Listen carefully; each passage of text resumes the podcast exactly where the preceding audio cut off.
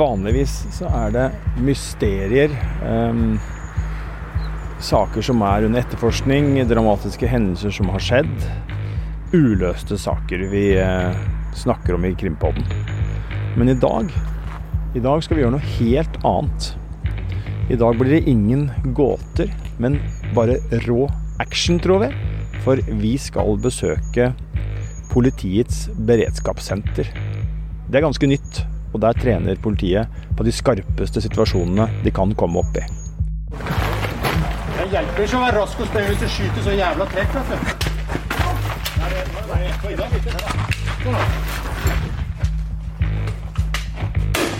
Treff venstre. Kom igjen! Tøm!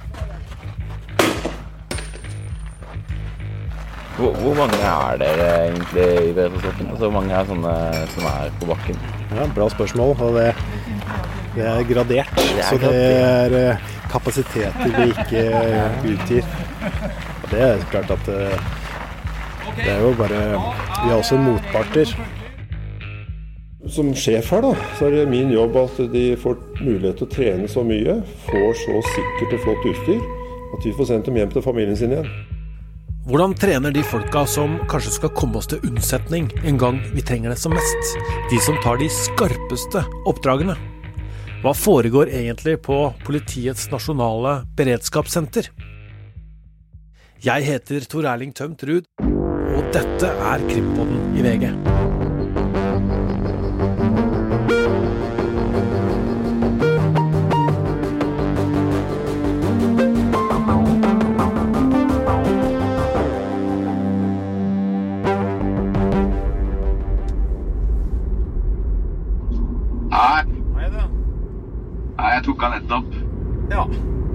Ikke bare møtes eh, For jeg er like i nærheten, jeg òg. Så kan vi ikke bare møtes da, og så ta en liten peptalk før vi går inn?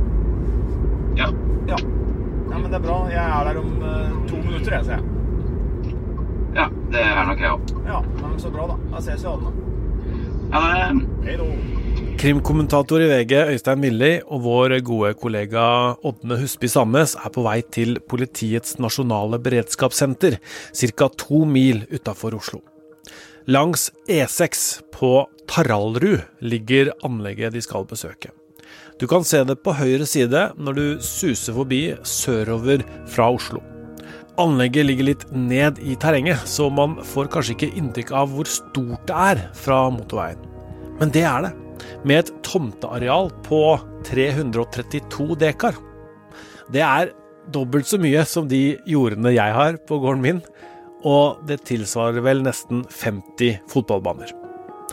Uansett, her kan Norges bistandsressurser øve, men også være i beredskap nært hovedstaden og nær flyplassen hvis det skulle oppstå situasjoner andre steder i landet.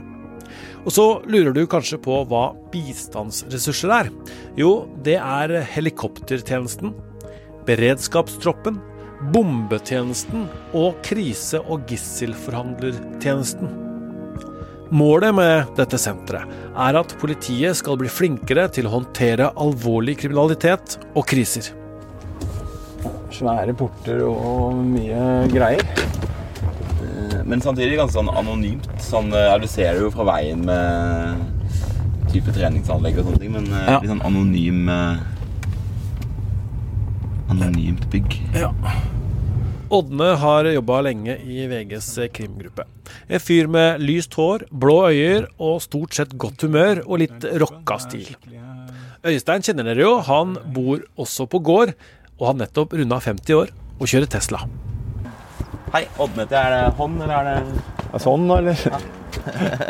Sånn. Velkommen skal dere være, i hvert fall. Takk skal du ha. Hei, Øystein. Hyggelig. Skjønner vi er fullvaksinerte. Ja, ja, ja. Vi er det nå. To av dem som Ådne og Øystein først treffer på senteret, er Torgrim Solberg i Politiets nasjonale beredskapsressurser og politiinspektør Ole Vidar Dahl, som leder den daglige driften ved Politiets beredskapssenter. Så bra. Har dere behov for å legge fra dere noen ting? og sånn? Nei, altså kanskje her etter hvert, men vi skal ta en prat først. Som første i landet er politi fra to politidistrikt på plass på beredskapssenteret for å gjennomføre øvelser denne dagen. De skal trene sammen med bl.a. beredskapstroppen, politiets spesialtrente innsatsstyrke. Man håper at de som kommer hit, kan ta med seg økt kompetanse og erfaring ut i distriktene. Torgrim Solberg i politifaglig stab forteller. I denne treningsuka som UEH-enhetene har her på senteret. Det er første uka vi gjennomfører det.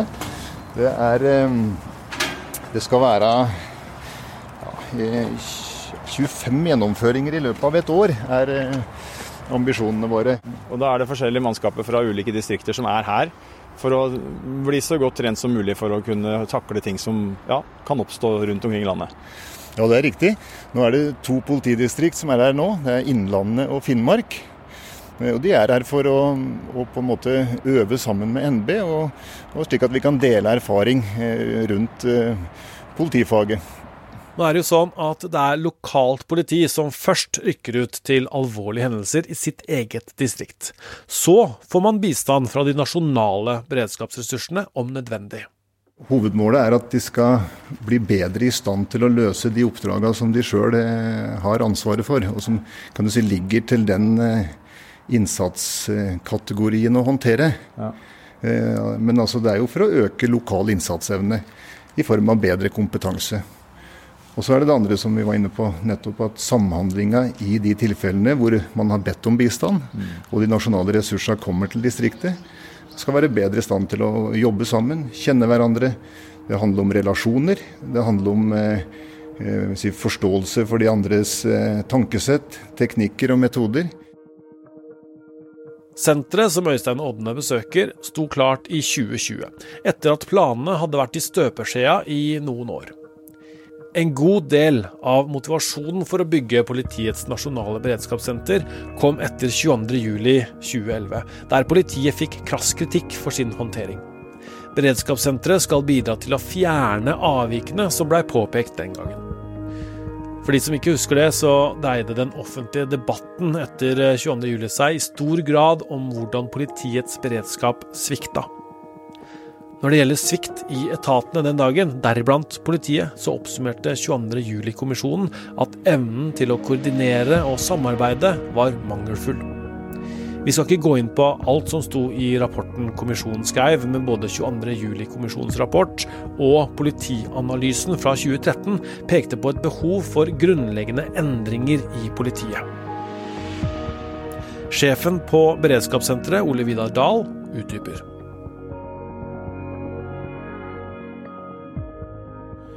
Etter 22.7. så opplevde vi at det var en, en forventning til oss fra de som mista sine, eller som kjente de som mista sine. Den var skyhøy. Så var vår leveranse var, Det var et veldig stort gap imellom. Forventningen var høyere enn det vi kunne levere. Og øh, det gapet har vi hatt fokus på. Å prøve å få tetta igjen. Mest mulig. Slik at senteret her er jo en del av den den, det tiltaket. Da. Mm. Men vi har akkurat begynt. Vi har ikke kommet inn her. Vi har jo ikke bodd ordentlig her egentlig heller, fordi det har vært covid-19 og vi har måttet ta hensyn til det. Men nå ser vi, det vi ser her nå, mener jeg er altså starten på noe bra. Så gjelder innsatsen herfra ut, så er vi jo eh, klart mye bedre stilt. Vi reiser jo ikke noe sted lenger for å trene. Så de som trener, er gripbare. De kan hente utstyret sitt, lesse rett inn i helikopter eller biler, eller dra til en flyplass og bare dra av gårde. Slik på den effekten mener vi er eh, litt underkommunisert. Mm. Der er det et politihelikopter, ja. Det står på service. Mm. Slik at Hangaren her er for service. Mm. Så er det to operative hele tiden. Hangaren med helikoptrene er svær. Helikoptrene hadde tidligere fast plass på Oslo lufthavn, men nå er de altså her. Tre i alt. Fordi mer interessert så er det av typen Leonardo AW169. Jeg er ingen ekspert på helikoptre, men for å ta noen fakta, så er det et mellomstort tomotors helikopter med en topphastighet på litt over 300 km i timen. Hvis du leser deg opp på Wikipedia om disse helikoptrene, som, som jeg måtte, så står det også at helikopteret har klassens største skyvedører. 1,6 meter breie, som jo er en fordel hvis de skal brukes som ildstøtteplattform for skarpskyttere. Og hvor mange går inn i helikopteret? Det kan gå seks til åtte på, på det ene, og så kan det vel gå to på det andre sånn ekstra. For de er konfigurert forskjellig. Men det kan endres, slik at vi kan styre det på en litt annen måte også. Det, det vi dro veldig nytte av da, etter vi starta helikoptertjenesten i 2003, for å si det sånn, det er den der observasjonsplattformen som vi kaller det. Det å kunne ha politiet med øyne og ører i lufta. Mm. Det har vi dratt ekstrem nytte av. slik at vi beholder den. Men samtidig så fikk vi kritikk etter 22.7. Mm. for at vi ikke kunne transportere og heller ikke ha det vi kaller ildstøtteplattform. Det er nå i orden. Ja. Slik at ett Dermed har vi hatt to to typer konsepter på helikoptrene. Mm. Et som transporterer, og et som beholder den overvåkninga. Ja, altså det, er, det, er, litt viktig å få med seg at i, i 22.7. rapport så fikk jo helikopteret et helt eget kapittel. For vi var jo nede. Vi hadde ferie da. Vi hadde ikke mannskap til å ha helikopter oppe. Slik at uh, vi har jo hatt som intensjon, og fått også politikerne, uh, klar marsjordre fra politikerne, få i orden på den helikoptertjenesten. Og det, det, har jo vært en eh, det har jo vært en ganske jeg vil si et hasteoppdrag. Og vi skulle ha det ferdig til senteret her. Og vi skulle ha orden på alt det vi mangla den gangen. Så eh, det er jo en helt annen tjeneste nå enn det det var da. Som vanlig så må jeg ta en prat med Øystein i studio. Disse beredskapsressursene da, som er eh, rundt omkring, hvorfor har man dem egentlig? Nei, det er jo for å eh, kunne angripe de mest eh, skarpe og farlige situasjonene. Eh, politiet har jo kategorisert noe som heter Plivo-hendelser. og Det er pågående livstruende vold, og har jo et eget planverk og et eget opplegg for hvordan det skal håndteres. Og vi har jo sett det siste året, og så sent som de siste året, har vi jo sett flere, flere situasjoner, dessverre, uh, av den karakteren. Uh, og så er det jo eventuelt terrorhendelser. Det har vi jo uh, også sett. Uh, og i tillegg så er det jo da kan det være aksjoner knytta til organisert kriminalitet, alvorlig kriminalitet. Det kan være uh, gisselsituasjoner. Det er mange, mange forskjellige scenarioer som kan inntreffe som um, inkluderer veldig, veldig alvorlig vold. Altså, hvilke hendelser Vi har jo sett noen hendelser opp igjennom eh, hvor beredskapstroppen og disse som er litt bedre utdanna politifolk, har blitt benytta. Eh, vi får ramse opp noen. Hva er det vi husker? Nei, vi eh, har jo hatt noen hendelser i, i 2021 hvor, eh, hvor, det har vært nødvendig å, å bruke da denne spisskompetansen. Og også ja, Kongsberg, f.eks., eh, tragedien. så så ble jo mannen der pågrepet av lokalt politi før beredskapstroppen kom frem. Men da var jo beredskaps... Eller Delta, som den heter eh, på internt, eh, internt Delta-styrken, var da eh, på vei til Kongsberg. Nav-drapet i Bergen ble jo også avverga av lokalpoliti, men jeg vil jo anta at det var da at UEH i Bergen og området rundt var involvert i, i den aksjonen. Og så hadde vi også en hendelse på Bislett, som jo ble avverga av eh, en, eh, noen vanlige patruljer, sånn som vi har eh, forstått det. Men jo hvor det samme tankesettet gjør seg gjeldende. Og, og, der var det jo en diskusjon, og det var det også i Kongsberg-saken, ikke sant. Det er en diskusjon om politiets øh, opptreden. I Kongsberg så fikk man jo kritikk fordi man, noen mente at man kunne ha vært for, for, sene. og så vet vi at Politiet tok en avgjørelse om å gå inn da raskt uten verneutstyr for å forsøke å pågripe veldig fort, og måtte trekke seg tilbake for å sikre seg sjøl, eh, og dermed kunne fortsette aksjonen uten, uten at man eh, sjøl eh, på en måte ble ja, drept eller skada. Mens på Bislett så var det jo litt motsatt, at der har jo noen syns kanskje at de bildene av at denne gjerningspersonen ble påkjørt, og han ble jo også til slutt da skutt, at, at, det var voldsomt. Men det illustrerer jo på en måte, da, uh, syns jeg, veldig godt hvor komplisert og krevende disse operasjonene er. Og øh, ingenting er så enkelt som å sitte i ettertid med fasit og på en måte peke på hva man egentlig kunne ha gjort og burde ha gjort, når man vet øh, alle omstendigheter. Men det er jo ikke situasjonen når disse politifolkene går inn. Så vet man jo ikke alt som vi vet etterpå. Det må man jo ha med seg, tenker jeg, når man bedømmer eh, den jobben eh, politiet gjør. Men hvis det er pågående aksjoner, f.eks. 22.07, som varte lenge, der husker vi bildene av eh, denne røde gummibåten som var overfylt av, av, til randen av beredskapstroppspolitifolk. Eh, der kom det mye kritikk i etterkant. Hva gikk den ut på? Nei, den, jo, den, var jo sammensatt, og det gikk jo på alt fra det overordna til hvordan man har eh, hva man har brukt av ressurser på beredskap eh, og eh, ja, beredskap, både planmessig, men også ressursmessig. Det gikk på dette med operasjonssentraler, at operasjonssentralen i Nordre Buskerud uh, var en liten enhet. Det gikk på at det var dårlig politisamband, og at man hadde problemer med samordning, uh, dårlig kommunikasjon.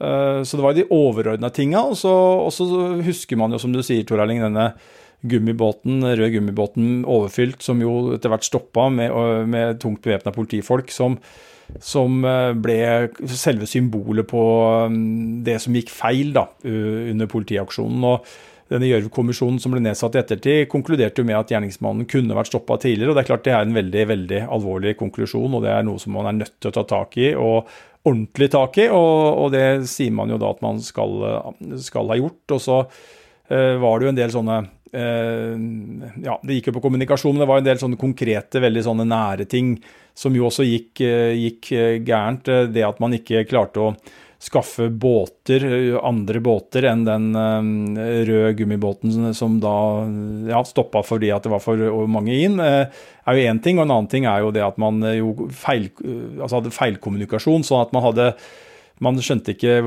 riktig oppmøtested for beredskapstroppen. De kjørte et annet sted enn enn det man eh, mente man skulle osv. Så, videre. så det var mange mange ting som, eh, som svikta, og som jo da har blitt tatt tak i på mange måter, og hvor dette beredskapssenteret er ett av de tiltakene. Og den jobben som skal gjøres der, er jo noe av det forbedringsarbeidet som pågår. Dette senteret ligger utafor Oslo. Du ser det på venstre hånd hvis du kjører E6 eh, sørfra og inn mot Oslo. Eh, det ligger ikke langt fra bebyggelse heller. Altså, det har vært en del eh, ja, hva skal si, kritikk med støy, og i hvert fall på forhånd at de, var, de som bodde der var veldig var på at dette senteret ville medføre mye støy. Hvordan har det gått? Nei, det er som du sier, det var jo stor skepsis. Og det er klart at det er jo en, er jo en del eh, støy eh, på et sånt senter. Eh, helikopter som kommer og både lander og tar av, og, og det er skyteøvelser osv. Men man har jo lagt veldig vekt på å skåne omgivelsene, og de som både jobber på senteret og planlagt senteret, har vært veldig opptatt av det og lytta til den kritikken som, og frykten som kom i forkant. Politiet sier de forsøker å ta så mye hensyn som mulig, bl.a. hvordan man kan velge inn- og utflyvning. Men, men, det er klart at uh, det er ikke tvil om at for et nabolag så vil det jo være et uh, uh, Altså man vil jo kunne merke et sånt senter, vil jeg tro, uansett. Vi må tilbake til helikopterhangaren. Jeg heter Espen og er pilot på politihelikopteret. Hvordan er det å ha det som jobb? Jeg syns det er veldig interessant, det. Det er varierte dager og gode oppdrag. Hva er det en sånn typisk arbeidsdag, da? Vi går jo tolv timer lange vakter. Så mye av dagen går jo med til beredskap og vente på oppdrag, og til trening. Typiske oppdraget som du liksom føler at du har oftest, er det noe mulig å si noe om, om hva det er? Jeg tror vi kan dele inn oppdragene våre kanskje i to hovedkategorier. Det ene er jo søk sammen med lokal eh, redningsledelse og Hovedredningssentralen. Og det andre er politioppdrag. Mm. Og da handler det om å få tak i noen som prøver å stikke av på bakken, f.eks. Ja, vi blir jo mye tid å leite etter folk som både vil bli funnet og de som ikke vil bli funnet. Hvis du skal trekke fram ett eksempel hvor politihelikopteret har spilt en stor rolle i en, en viktig sammenheng, har du noen har du noen i hodet? Ole Vidar Dahl, leder ved Politiets nasjonale beredskapssenter. Det var altså på Gjerdrum. Ja. Der spilte de her en enorm viktig rolle. Mm. For De var uh, sammen med Sea King. De dro opp der kjapt. Det var et ekstremt dårlig vær. Og de tok seg opp uh, på en uh, veldig spesiell måte, vil jeg si. Sånn faglig sett for en helikopterpilot og, og mannskap. Men de klarte det og kom dit opp og brukte de sensorene sine sammen med med King, slik at de fikk heist opp de første. Da var det 15 mennesker som redda. Og vi mener kunne si at vår innsats var avgjørende der. Øystein og Ådne beveger seg innover videre på området. Foruten hovedbygningen og den svære hangaren til politihelikoptrene, så finnes det en stor rullebane, treningsbygg, innendørs skytebane, klatretårn, et svært basseng med bulkemaskin, hinderløype og en såkalt Sibo-landsby, for å nevne noe. En Sibo-landsby, eller brakkelandsby, er eh, bygget for at man kunne trene på skarpe situasjoner som kan oppstå i tettbygde strøk. Kanskje kan det sammenlignes med en sånn kulisseby som man kan se i store Hollywood-produksjoner, f.eks. i de gamle cowboyfilmene, der skurken kommer luskende inn mellom byggene, for så å møte sheriffen til pistolduell i gata. Det er litt sånn jeg ser for meg. Før vi skal bevege oss til denne landsbyen, så skal vi til skytebanen. Der skjer det ting. Bare kort info. Vi har med oss eh, VG, lager en podkast selvfølgelig karriert og alt mulig, så dere kan bare kjøre alt mulig sånn som dere pleier. Så har vi og jeg kontroll på alt det andre. Men da vet dere hvem vi har som gjester, i hvert fall. Hei. Jeg er mest glad i Dagbladet. ja, der fikk vi den. Vi får bare børste det av oss, for nå er det klart for en øvelse som beredskapstroppen skal få bryne seg på. De er inndelt i to lag og skal konkurrere. Her er det tømme våpenet, løpe ut, veksle med neste mann med våpenet, og så løper han ned bak. Første laget som uh, fullfører, vinner. Klar, ferdig, løp! Jeg. Har ikke sjans! Her er det bare putt i proppa. Det smeller litt. Treff høyre, treff venstre!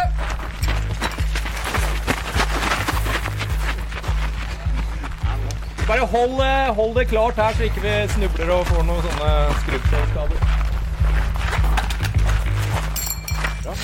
Hele hensikten selvsagt med en sånn greie, det er å påføre gutta eh, stafetter, eh, konkurranser. Det er å presse opp stressnivået.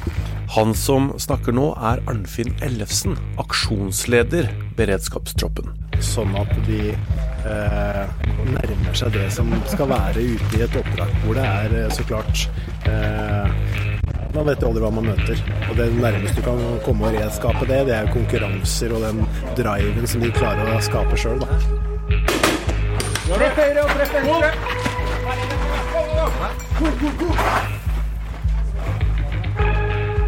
Da ble forspranget dobbelt. Det hjelper ikke å være rask og spille hvis du skyter så jævla trekk, vet du. Treff venstre. Kom igjen! Tøm! Tøm.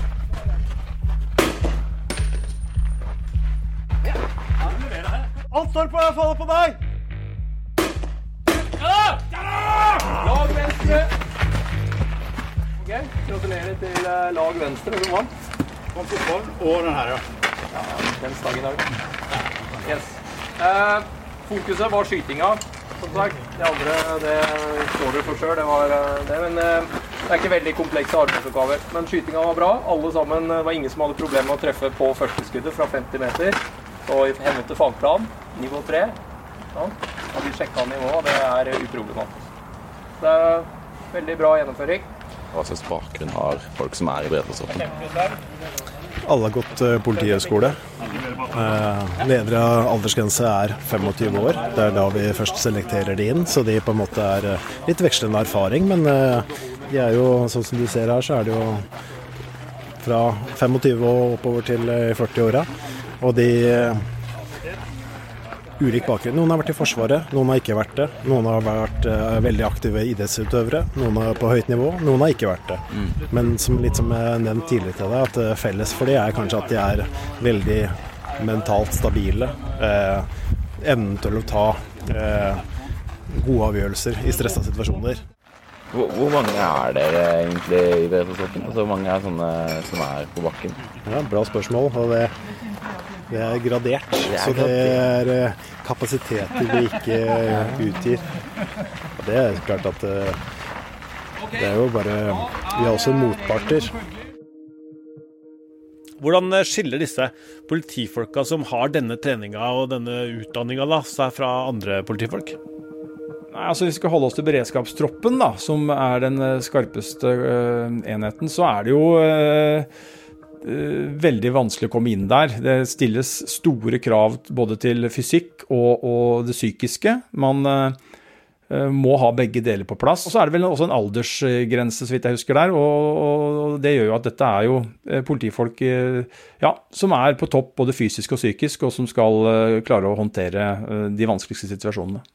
Og, og, de fysiske kravene er jo såpass uh, tøffe at uh, det er og, de, og, man gjør ikke noe forskjell på kvinner og menn der, og det har jo vært en diskusjon rundt det. Men det har i hvert fall ført til da, at det er vel ingen kvinner som har uh, kvalifisert seg inn i beredskapstroppen foreløpig. Det handler jo først og fremst om at det er fysiske forskjeller mellom kvinner og menn, så det er ikke noe sånn at kvinner ikke kan fikse det. Men i og med at man har en, den samme fysiske mm, opptaksprøven, så er den så brutal at der har menn en eh, helt fra hvordan vi har skapt, en, en fordel. Og så er det en diskusjon som sagt, om man skal eh, gjøre noe med det for å få For det er ikke tvil om at det ville selvfølgelig vært veldig verdifullt å få inn også kvinner i beredskapstroppen i forhold til å få et mangfold i, tenk, i tankesettet og hvordan man angriper situasjoner. Det er jo argumentene de som eh, mener at dette er problematisk, anfører bl.a.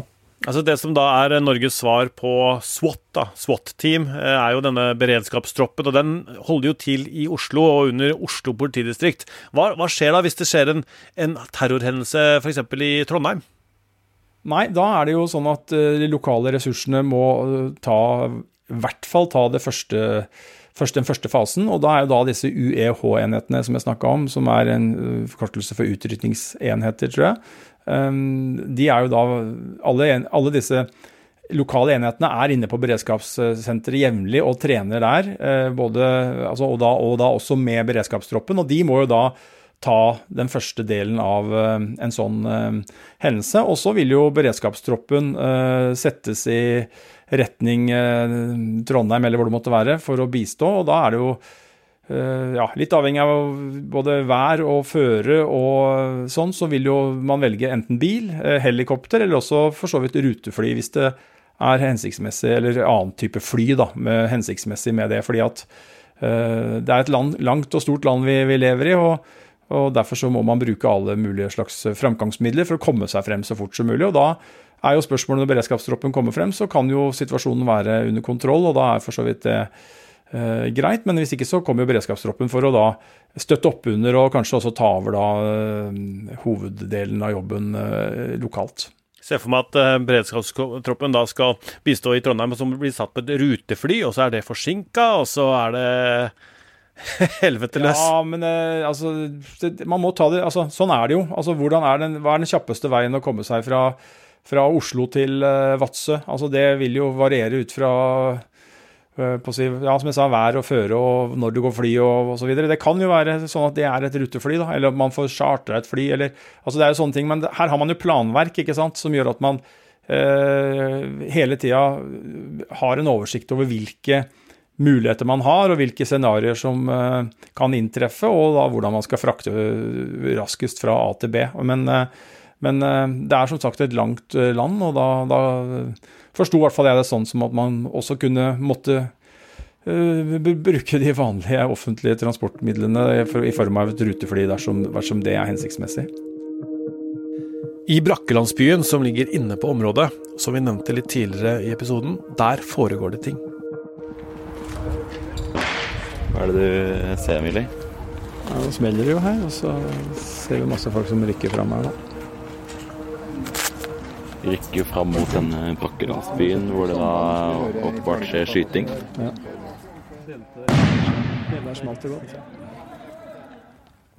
På beredskapssenteret så møter Øystein Odne en annen fyr som sitter tett på. Han heter Freddy Rotseth og er sjefen for beredskapstroppen. Hva slags trussel er det man øver på her? Ja, Her er det knytta både til en person som forskanser seg, og som utøver motstand mot politiet. Og Da må eh, personellet gjøre de grepene både for å ivareta sin egen sikkerhet, sikkerheten til tredje person, men også ha en plan for hvordan de skal få løst oppdraget. Hva er det som er utfordringene ved en sånn type situasjon hvor en person forskanser seg? Man vet ikke hvordan sinnelaget til denne personen er. Man, eh, man, kommer dit, man har lite informasjon annet enn kanskje et strafferegister. Altså, hvordan, hvordan forholder man seg da? Ja, Det er jo den uforutsigbarheten du beskriver. Mye av den uforutsigbarheten kan du til en viss grad redusere ved å trene på det. Fordi at du kan forutse, du kan prøve å tenke annerledes for å gjøre den uforutsigbarheten mindre. Du har et sett av verktøy du kan benytte, slik at du får en bedre situasjonsforståelse. Men du må hele tida vekte det opp imot hvilken trussel utgjør det for eh, tredje person og deg selv. Så I noen saker så krever det nesten en umiddelbar reaksjon. og Da må man ta ut en viss porsjon risiko. Og så er det å redusere den risikoen ved å ha gode teknikker og taktikker og rett utstyr. Andre ganger så kan man ta et skritt tilbake igjen og så se ok, vi kan gjøre det. Vi kan finne andre måter å angripe det på. Og Det er litt det de trener på her, for å få ut det vidsynet på det. Politi fra de to politidistriktene Finnmark og Innlandet er nå i gang med øvelsen. I Miskelsebygg, i rullinga av Klinor. Du må gjenta posisjon eh, hvor personen er skutt. Han er skutt i det midterste bygget i nordenden av byen. Der er det skutt en etasje. Vi trenger bistand til en person som har eksplosiver og våpen. Aksjonsleder Skille Finnmark Om det er så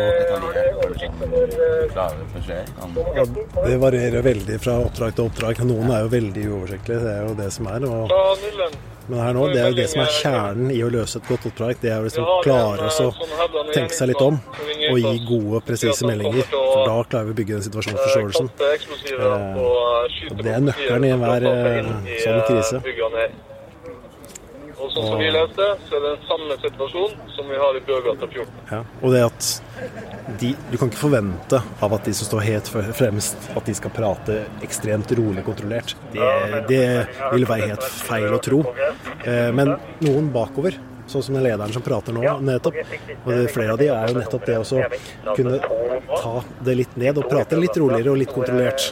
Smitter det litt over, og så er det den som klarer å skape den gode oversikten eh, fra litt tilbaketrukket. Det er ofte nøkkelen i, eh, i disse oppdragene. På et tidspunkt i øvelsen så kommer beredskapstroppen inn i brakkelandsbyen.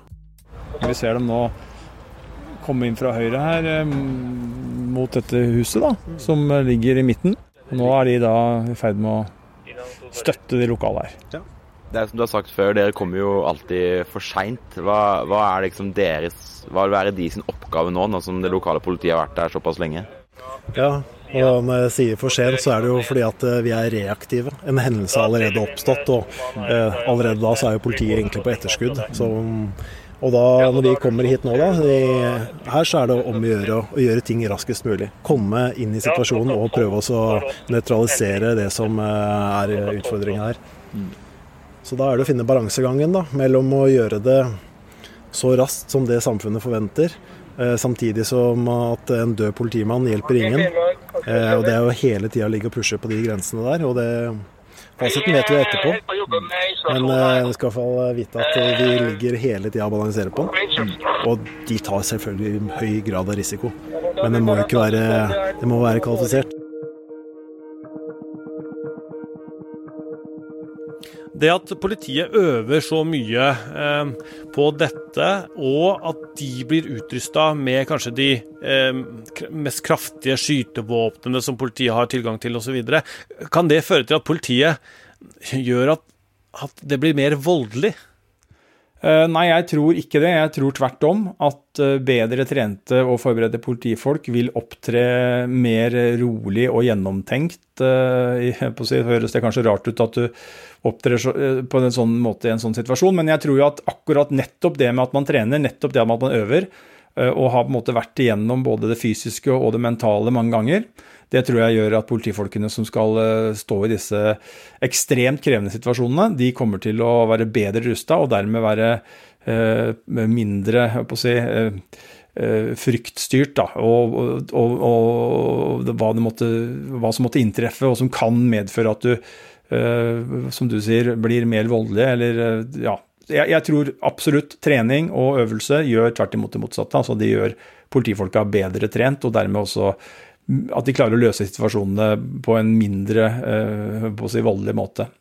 Samtidig så, må vi jo, så må vi si at dette er jo situasjoner hvor man av og til er nødt til å ty til på å si, vold, eller altså fysisk inngripen. Og vi så jo det som sagt bl.a. på Bislett, hvor jo politiet skjøt og, og, og drepte en gjerningsmann. og det, det, kommer jo ikke til å stoppe selv om man har disse øvelsene. Man, man kommer i situasjoner hvor politiet vurderer det på den måten. Og så vil alltid diskusjonene som regel gå etterpå, fordi at det er et veldig dramatisk eh, eh, skritt, selvfølgelig. For lederen på stedet, Ole Vidar Dahl, er det noe som er viktigere enn mye annet når alt kommer til alt. Som, som, som, sjef her, da, så er det min jobb at de får mulighet til å trene så mye, får så sikkert og flott utstyr, at vi får sendt dem hjem til familien sin igjen. Det er sånn jeg tenker. For det, de verste scenarioene er der er, ligger det risikovillighet, så det holder. Krimpodden lages av oss som er journalister i VG. Vi trenger både tips og innspill. Har du kjennskap til en sak som vi kanskje burde se nærmere på? Eller kjenner du noen som har en historie å fortelle som vi bør høre? Da kan du jo ta kontakt med oss. Mailen er krimpodden at vg.no. Vi har Facebook-gruppe, og vi er på Instagram. I denne episoden har vi hørt krimkommentator Øystein Milli og VG-journalist Ådne Husby Sandnes. Produsent for Krimpodden er Vilde Våren, og jeg heter Tor Erling Tømtrud.